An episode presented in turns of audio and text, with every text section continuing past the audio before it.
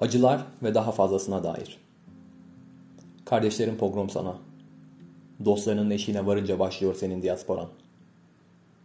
İsmet Özel'in Of Not Being a Jew şiirinden alıntıladığım bu dizeler üzerine saatlerce düşündüğüm bir dönem oldu.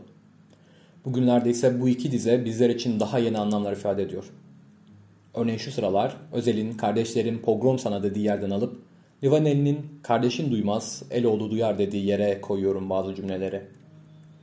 Kötü şiirler yazan sözde şairlerin şiirlerinde ismime yer vermesinden çok rahatsız olacağımı düşünürken ismimin geçtiği dizeleri görünce bu tutuma ben de şaşırıyorum fakat yalnızca bıyık altı gülücükler bırakıyorum. Fakat hiçbir şey geçiremiyor içindeki can sıkıntısını. Hayatım boyunca pek çok kötü insana rastlamış, pek çok kötülüğe maruz kalmış olsam da karşılık beklemeden çok sevdiğim biri tarafından bu denli art niyetli ve saf bir kötülüğe maruz kalmak bana çok yabancı geliyor.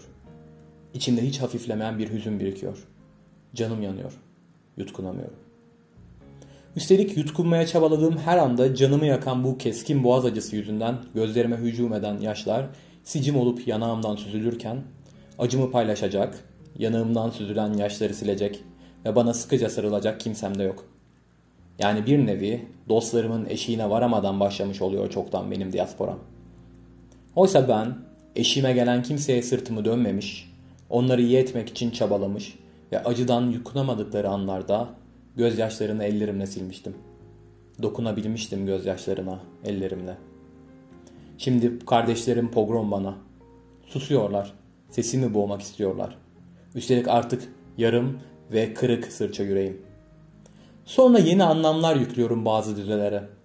Bu süreç biraz zor, uzun ve sancılı oluyor. Tam da bu yeni anlamlara yeni isimler bulmak için yoğunlaştığım bir anda aynı gezegeni paylaştığım milyarlarca insan sayamayacağım kadar çok dert ile mücadele içerisindeyken birkaç dize üzerine uzun uzadıya düşünmek, kendi kişisel dertlerim için paramparça olup zaman kaybetmek belki biraz ukalaca ve kibir dolu geliyor.'' Gezegenin herhangi bir köşesinde gün içerisindeki tek uğraşı hayatta kalmak fiilini icra etmek olan milyonlarca insanın varlığı, açlık ve susuzluk içerisinde kıvranan, bir savaşın orta yerinde kendini ve ailesini kurtarmak için kilometrelerce yol yürüyüp daha güvenli bir ülkeye sığınmak isteyen ya da cephede ülkesi için mücadele ederken ölmeyi göz alan insanlar geliyor aklıma. İklim krizinin yol açtığı felaketler nedeniyle yerinden olan Ekonomik krizlerin pençesinde enflasyonla baş başa kalıp tahammül edilemez çalışma saatlerinde ağır işlerde çalışmak zorunda kalan ya da hiç istemese bile yine ekonomik gerekçelerle ülkesini terk eden insanlar. Evin bir köşesinde sehpanın üzerine bırakılmış televizyon kumandalarının hemen üzerine öylece terk edilmiş bir ilaç prospektüsünü oradan alamadığım için bir aydır televizyonu açmıyor oluşum, eşyalara, kitaplara, şarkılara ve hatta kokulara yüklediğim anlam yerle bir oluyor.'' Tüm bu kara bulut yanının yerini yoldan geçen çıplak ayaklı çocukların gerçekliği alıyor. Utancımdan yüzüm kıpkırmızı oluyor. Adeta sert bir tokat yemişe benziyorum. Meselenin ilaç prospektüsü olmadığını tam da o anda idrak ediyorum aslında. Bu, canımı yakan ve uzun süredir kabullenmek istemediğim acı gerçeklerden kaçmak için bulduğum bir yöntem veriyor. Televizyonu açıp ekranın içindeki illüzyona dalmak, bir savaş, bir yıkım, bir ölüm haberini almak o haberin hemen sonrasında ekranı kaplayan neşeli reklamları izlemekle aynı geliyor. Ölüm dediğimiz gerçeklik birkaç saniyelik haber metnini okuyan spikerin ekrandan kaybolmasıyla son buluyor. Benim bu illüzyondan kaçmak için seçtiğim yöntem ise eşyalara yüklediğim anlam ile ortaya çıkıyor.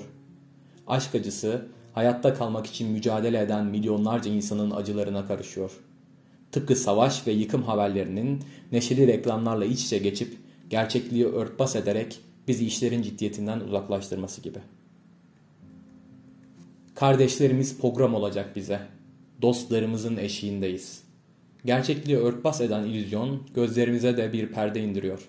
Sanki göçmen karşıtlığı, ırkçılık ve aşırı sağ ile yıllardır mücadele eden bizim dost eşiğimiz, diasporamız değilmiş gibi.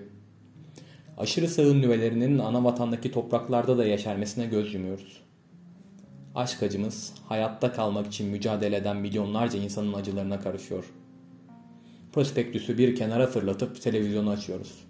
Hızla öfkelenip hayatımızla ilgili kötü giden her şeyi üzerine yıkabileceğimiz bir günah keçisi bulmanın dayanılmaz hafifliğinde öfke ile gürlüyoruz.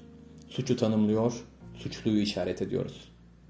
Korkularımızın faturasını bizi korkutanlardan değil, korku ile bizden kaçanlardan çıkarıyoruz. Fakat bu rüzgar hep böyle esmeyecek. Biliyoruz. Acı duyarak yutkunmayı öğreneceğiz. Gözlerimizden süzülen yaşları kendimiz sileceğiz.